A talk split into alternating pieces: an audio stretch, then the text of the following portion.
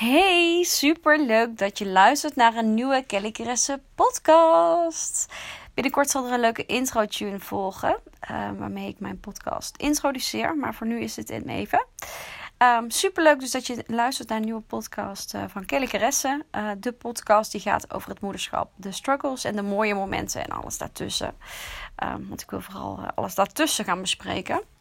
En de dingen die je dus niet ziet in de vlogs en op social media. En nou ja, gewoon even lekker gewoon kletsen, zeg maar. Dat is toch een beetje anders als wanneer je kijkt naar, uh, naar beeld.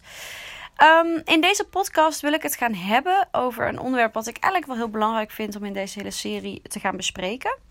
Um, en dat gaat er eigenlijk om hoe ik het heb ervaren om drie zwangerschappen in via tijd te hebben beleefd. Of eigenlijk gewoon drie zwangerschappen in korte tijd. En ik heb daar nooit heel zwaar aan geteeld. En um, als ik daar iets over vertelde, dan was het vaak over hoe ik de overgang naar een, volgende kind, naar een volgend kindje heb ervaren. Dus de overgang van 1 naar 2, van 2 naar 3. Um, nou ja, tot drie dus.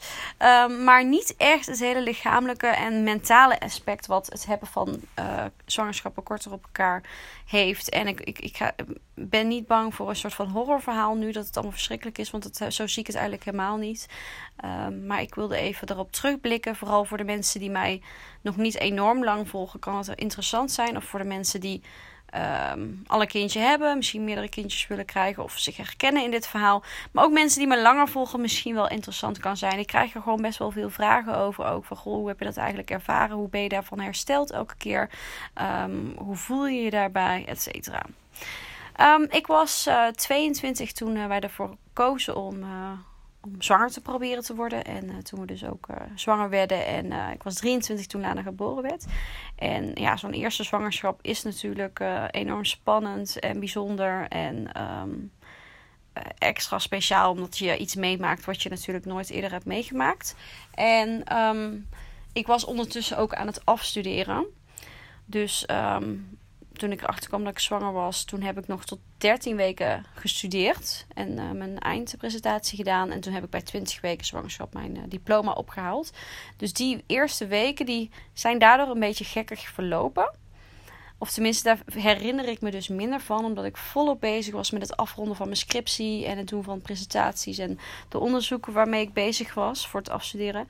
En de periode daarna um, waren ook ineens vrij uh, gek.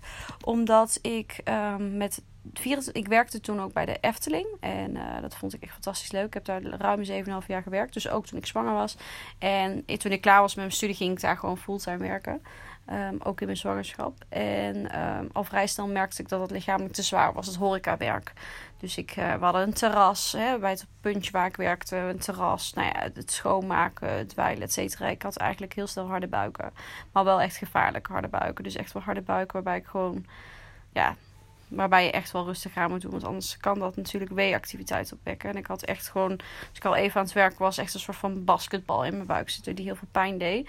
Dus ze konden mij geen vervangend werk geven. Want dat is wat ik eigenlijk wilde. Ik dacht, nou, zet me achter een kast en ik kan lekker mijn ding doen. Maar dat kon niet. Dus toen uh, moest ik eigenlijk stoppen met werken. En toen kwam ik thuis te zitten. En dat vond ik zo heftig. Want ik had jarenlang gewerkt, gestudeerd. Ik had een uh, bedrijf erbij. Dus ik was eigenlijk altijd zes, zeven dagen per week bezig. En toen moest ik thuis gaan zitten. Nou, dat vond ik heel heftig. Dat is ook de periode waarin ik het bloggen wat meer ben gaan oppakken. Maar doordat ik zo lang heb stilgezeten, um, ja, um, bleef ik die zwangerschap anders, denk ik, als mijn tweede en derde. En met 34 weken, nou ja, ik was zeg maar 32 weken of zo toen ik dacht van nou oké, nu besef ik wel van oké, ik ben flink zwanger en uh, nu moeten we een beetje gaan aftellen. Maar we waren nog helemaal niet zo ver. We hadden bijvoorbeeld nog geen box en gewoon nog allerlei dingen niet geregeld. Ik was er nog niet klaar voor verder. Um, tenminste, ik dacht, we hebben nog een hele tijd. En ik bleef dus gewoon heel anders. Of zo. Ik weet niet, alsof je het nog niet helemaal beseft. En met 34 weken, toen um, ja, is Lana al geboren. Toen moesten we met spoed naar het ziekenhuis.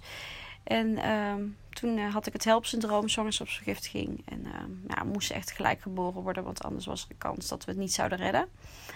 Dus dat was heel raar. Dan, dat, dat is ook de eerste blog die ik toen schreef was. En dan ben je ineens moeder. Ehm, heel bizar om dat ineens te zijn. En om van het een op het andere moment te bevallen. En goed, dat is een, een onderwerp apart. En ehm, ik miste al heel snel het zwanger zijn. Dat schijnt ook wel normaal te zijn als je dus een premature zwangerschap hebt. Of tenminste als een zwangerschap met een premature geboorte afloopt. Ehm, hoor je vaak dat vrouwen heel erg heimwee hebben na het zwanger zijn. En dat had ik heel erg. Ik was echt toen ik 35 weken, of ik was geen 35 weken, maar toen ik een baby had van 36 weken, zeg maar. Dus toen ik haar mee naar huis nam, toen zag ik zwangere vrouwen. En toen was ik gewoon jaloers dat ik haar niet kon voldragen.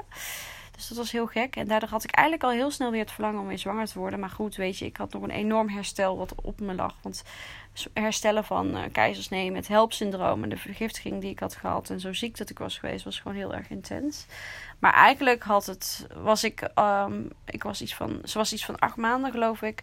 Toen ik eigenlijk dacht van, oh ik wil weer omdat ik zo'n heimwee had naar die zwangerschap. En uh, toen, uh, toen ze negen maanden was, toen heeft mijn man mij ten huwelijk gevraagd. En uh, dat kwam op het perfecte moment. Want toen ben ik me gewoon, toen dacht ik, oké, nu gaan we niet zwanger worden. Nu gaan we ons focussen op dat huwelijk. En dat is belangrijk, dat is goed. Daardoor kunnen we ook een wat groter leeftijdsverschil hebben. Want dat is eigenlijk wat ik ook wel wilde. Um, omdat ik echt nog even gewoon genieten van Lana.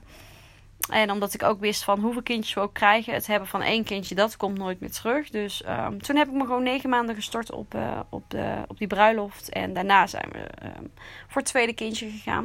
En die tweede zwangerschap heb ik gewoon heel anders beleefd. Omdat je um, al een kindje hebt. Ik was ook veel misselijker. Ik, ik, ik beleefde iedere symptoom veel intenser, denk ik. Ik was er veel bewuster mee bezig. En...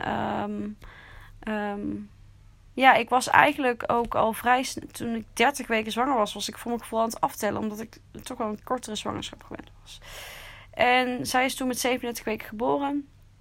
Um, en hun hebben een leeftijdsverschil van twee jaar en vier maanden, wat echt wel heel ideaal is. Dus Lana was anderhalf toen ik weer zwanger werd, zeg maar, van de tweede. Dus dat is op zich, dan ben je compleet ontzwangerd. Tenminste, ik was dat wel. Zelfs na het helpsyndroom had ik met anderhalf jaar wel echt zoiets van, ik ben helemaal ontzwangerd. Omdat het dan vaak wel langer duurt. Dus ik ben weer helemaal hersteld. En, um, nou ja, we wilden, uiteindelijk hadden we wel de keuze gemaakt dat we graag een derde eh, wilden.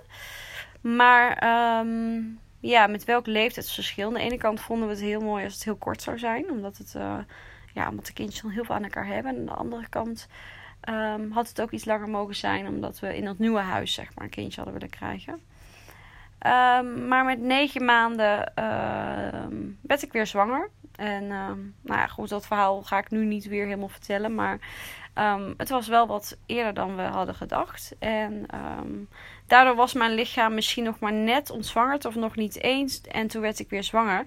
En die derde zwangerschap vond ik wel echt een stuk pittiger. Um, lichamelijk. Ik heb natuurlijk ook diabetes, dus dat speelde iedere zwangerschap ook mee. Maar bij de derde had ik echt zoiets van, oh, daar gaan we weer. Oké, okay, moet hier me echt even op instellen. Die bloedsuikers die weer alle kanten op gaan. En uh, ja, gewoon alle lichamelijke ongemakken. En denk ik ook wel het feit dat je niet helemaal ontzwangerd bent en weer zwanger raakt. Dus dat je eigenlijk van hormonencircus naar hormonencircus gaat. Ik had natuurlijk ook nog borstvoeding ondertussen terwijl ik zwanger was. Dus aan Amy dus. Um, en um, ik was ook wel heel blij toen die zwangerschap voorbij was. En toen zei ik ook echt van, nou niet meer. Nu weet ik dat niet meer zeker. Maar toen had ik echt zoiets van, dit is de laatste keer. Ik ben helemaal klaar mee. Maar hoe ik dus nu terugkijk daarop. Uh, eigenlijk ben ik het lichamelijk prima doorgekomen. Het ontzwangeren daarna van de derde ging eigenlijk ook best wel voorspoedig. Um, en er zijn alleen een aantal dingen die ik, of tenminste één iets wat ik echt heb overgehouden. Even los van de keizersneden natuurlijk, de litteken. Maar wat ik echt nog steeds heel erg merk is dat ik bijvoorbeeld, nou ja, dat is puur lichamelijk iets hoor. Maar ik, als ik bijvoorbeeld, um, ik had bij mijn laatste twee zwangerschap dat ze heel hoog zaten. Echt tot onder mijn borst. En dan heel veel pijn had ik daar dan. En nu bijvoorbeeld als ik mijn nagels aan het lakken, meteen nagels aan het lakken ben, of je zit helemaal ja, op zijn kop omdat je iets aan het bukken bent, of weet ik wat, dan heb ik ineens daar heel veel pijn. Um, maar verder, als ik er nu op terugkijk, denk ik, jeetje, Mina, wat een rollercoaster. Want het hele ding aan zwanger zijn is gewoon dat je negen maanden, of net hoe lang het duurt, onhold staat. Dus in die periode plan je toch ook geen hele grootste dingen vaak. Um, je kijkt per week tot week. Je telt elke dag af totdat er weer een week verder is. Tenminste, zo had ik dat wel. Vooral bij, ja, ja, dat heb ik toch wel gedaan. Dan ben je toch heel erg bezig met, oh ja, zullen we dan dat plannen? Hoeveel weken ben ik dan? Oh ja, kan het wel of niet? En de periode daarna, van ja, hè, wanneer kan je weer echt de deur uit? Hoeveel weken is de baby dan? Dus je staat ook echt wel ruim, nou, laten we zeggen, een jaar on hold. In de zin van dat je gewoon op een andere manier plant. Als het gaat om vakanties plannen en als het gaat om dat soort dingen plannen. Of het maken van grote beslissingen, ook op, op het gebied van carrière of op het gebied van reizen of nou ja, allerlei gebieden. Maak je, sta je toch wel een beetje onhold. Um, dus ik ben stiekem wel heel blij dat dat voorbij is. Dus dat is iets wat ik echt niet mis.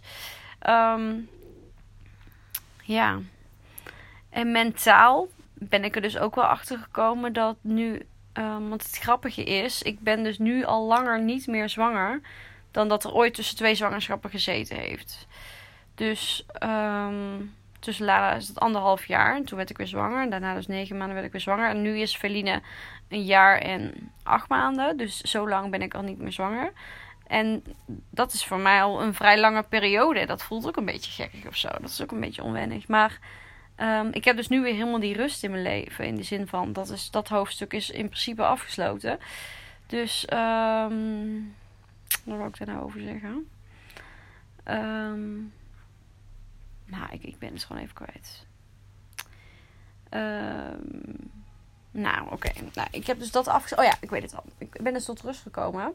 En nou, ik knip dus niet in deze podcast, hè, dat hoor je al. Ik ben dus helemaal tot rust gekomen. En nu ben ik dus achtergekomen hoeveel impact het eigenlijk heeft gemaakt. Dus als je dus continu bezig bent met die zwangerschappen, dan gaat je, je hele mind is daarmee bezig, onbewust. Dus je kunt ook niet overal 100% van genieten, omdat die hele zwangerschap ertussen komt. Uh, maar ook emoties komen op een hele andere manier binnen. Dat ik nu wel even op het punt kom van: wow, dit is toch wel echt wel heel heftig geweest, eigenlijk voor je lijf en vooral mentaal. En dat sommige dingen ineens weer binnen gaan komen, bepaalde emoties. En dat het ineens, um, nou ja, dat je een soort van na, uh, alsof je een soort van na um, kick krijgt van: wow, oké. Okay, um, je hebt, uh, het is toch wel iets heftiger geweest dan je op dat moment denkt. Op dat moment, ik ben die rollercoaster ingestapt toen ik voor het eerst zwanger wilde raken. En je stapt hem er op een gegeven moment weer uit. En dan besef je eigenlijk pas wat een rollercoaster het is. Van toch de hele spanning. Zal het wel goed gaan? De onzekerheid die een zwangerschap geeft. Vooral die eerste 12 weken. Gaat het wel goed? Dan komt die 20 weken echo. Zal het wel goed zijn? Ja of nee? Nou, dan komen die groeiecho's. Die bij mij altijd wel spannend waren in verband met de diabetes. Nou, dan komt natuurlijk die bevalling. Dus je bent heel erg van mijlpaal tot mijlpaal bezig. En je ook heel erg zorgen aan het maken. En dat stukje is nu wat meer naar de achtergrond. Tuurlijk maak ik me ook zorgen om mijn kinderen. En ben je bang dat ze iets overkomt. Maar in een zwangerschap... Um, ja, ben je daar bewuster van dat dan de kansen wat reëler voelen dat er wat gebeurt. Of dat, dat je iets kan verliezen of weet ik veel wat. Of dat je of angst voor complicaties bij jezelf, et cetera. Dus um, nu die rollercoaster voorbij is, merk ik pas van wow, oké, het is best wel intens. Maar ik ben ook wel weer heel blij dat het achter de rug is. En vind het ook wel heel fijn om ze kort op elkaar gehad te hebben. Uh, maar ik kan me ook heel goed voorstellen dat het heel prettig is om een groter leeftijdsverschil te hebben. Dus dat je de eerste krijgt en dan bijvoorbeeld na vier jaar de tweede. Waar je dan compleet op kan storten. En dat dat voor je lichaam wel echt een stuk relaxter is. Dat geloof ik ook. Dus um, ik denk dat van beide kanten iets te zeggen is. Maar um, ja, een zwangerschap is toch wel echt wel een hele aanslag op je lijf. En uh, ook mentaal gewoon echt wel iets wat je moet verwerken.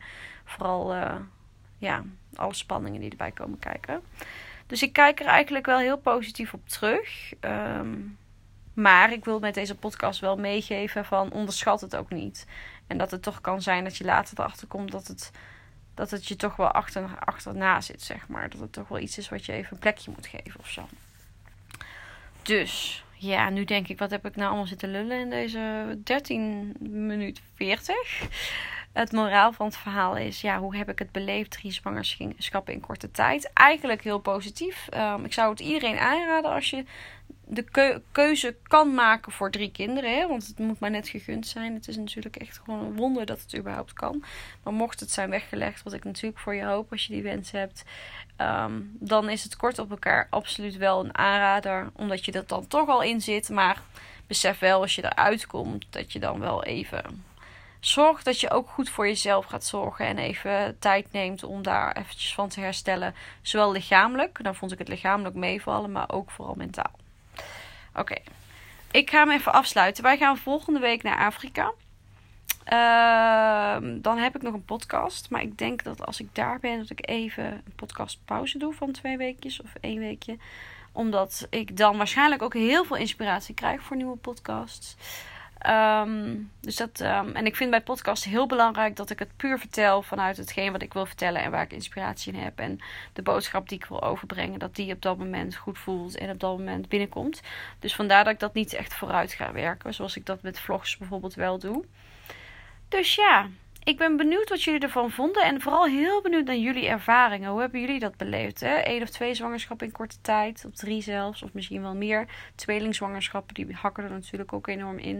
Ik ben heel benieuwd ehm, hoe jullie dat hebben ervaren lichamelijk. Want ik denk dat wij vrouwen dat toch ja, een beetje als vanzelfsprekend al snel zien. Dat we het eerder hebben over hoe heftig het is om een een, een kindje erbij te krijgen. Dus dat je ineens een overgang hebt van 1 naar 2 of 2 naar 3 of wat het ook mag zijn. Dat we het daar meer over hebben dan wat het eigenlijk voor ons eigen lijf betekent. En mentaal ook. Dus ik ben heel benieuwd naar jullie ervaringen en wat jullie van deze podcast vonden. Waar je me enorm mee zal helpen is als je een printscreen maakt en op stories deelt als je aan het luisteren bent. Ik word daar super blij van als je me dan tagt. Dan kan ik het gelijk zien. Daar word ik natuurlijk mega blij mee. Maar je helpt me ook om deze podcast wat meer bekendheid te geven. Zodat ik er lekker lang mee door kan gaan. En heel veel mensen en mama's mag inspireren met hetgeen wat ik vertel. Dus daar help je me enorm mee. En luister je hem op iTunes, zou je me enorm helpen om daar een recensie achter te laten. Dat kan via de iTunes uh, Store. Als je dan bij podcast kijkt en je ziet mij, dan kun je, als je onderaan scrolt, nou, als je al mijn afleveringen omlaag scrolt, nou ja, vijf afleveringen, kun je daar sterretjes achterlaten en een review schrijven. Mocht je dat willen doen, ben je echt mijn held. Dus daar zou je me ook enorm mee helpen. Maar verspreid het vooral om je heen uh, als je dit luistert. Dan, uh, ja, wie weet dat we dan nog meer mama's mogen bereiken hiermee. Um, suggesties voor nieuwe onderwerpen zijn ook altijd welkom. Dus laat me zeker weten via Instagram, eh, het Kelly in een DM. Uh, waar je het ook maar wil laten weten. Dan help je mij ook enorm. Ik wil je enorm bedanken voor het luisteren. Ik hoop je volgende keer weer te zien. Nou ja, niet zien, maar ik hoop dat je de volgende keer weer naar luistert. En dan zeg ik tot de volgende keer. Dankjewel. Doei!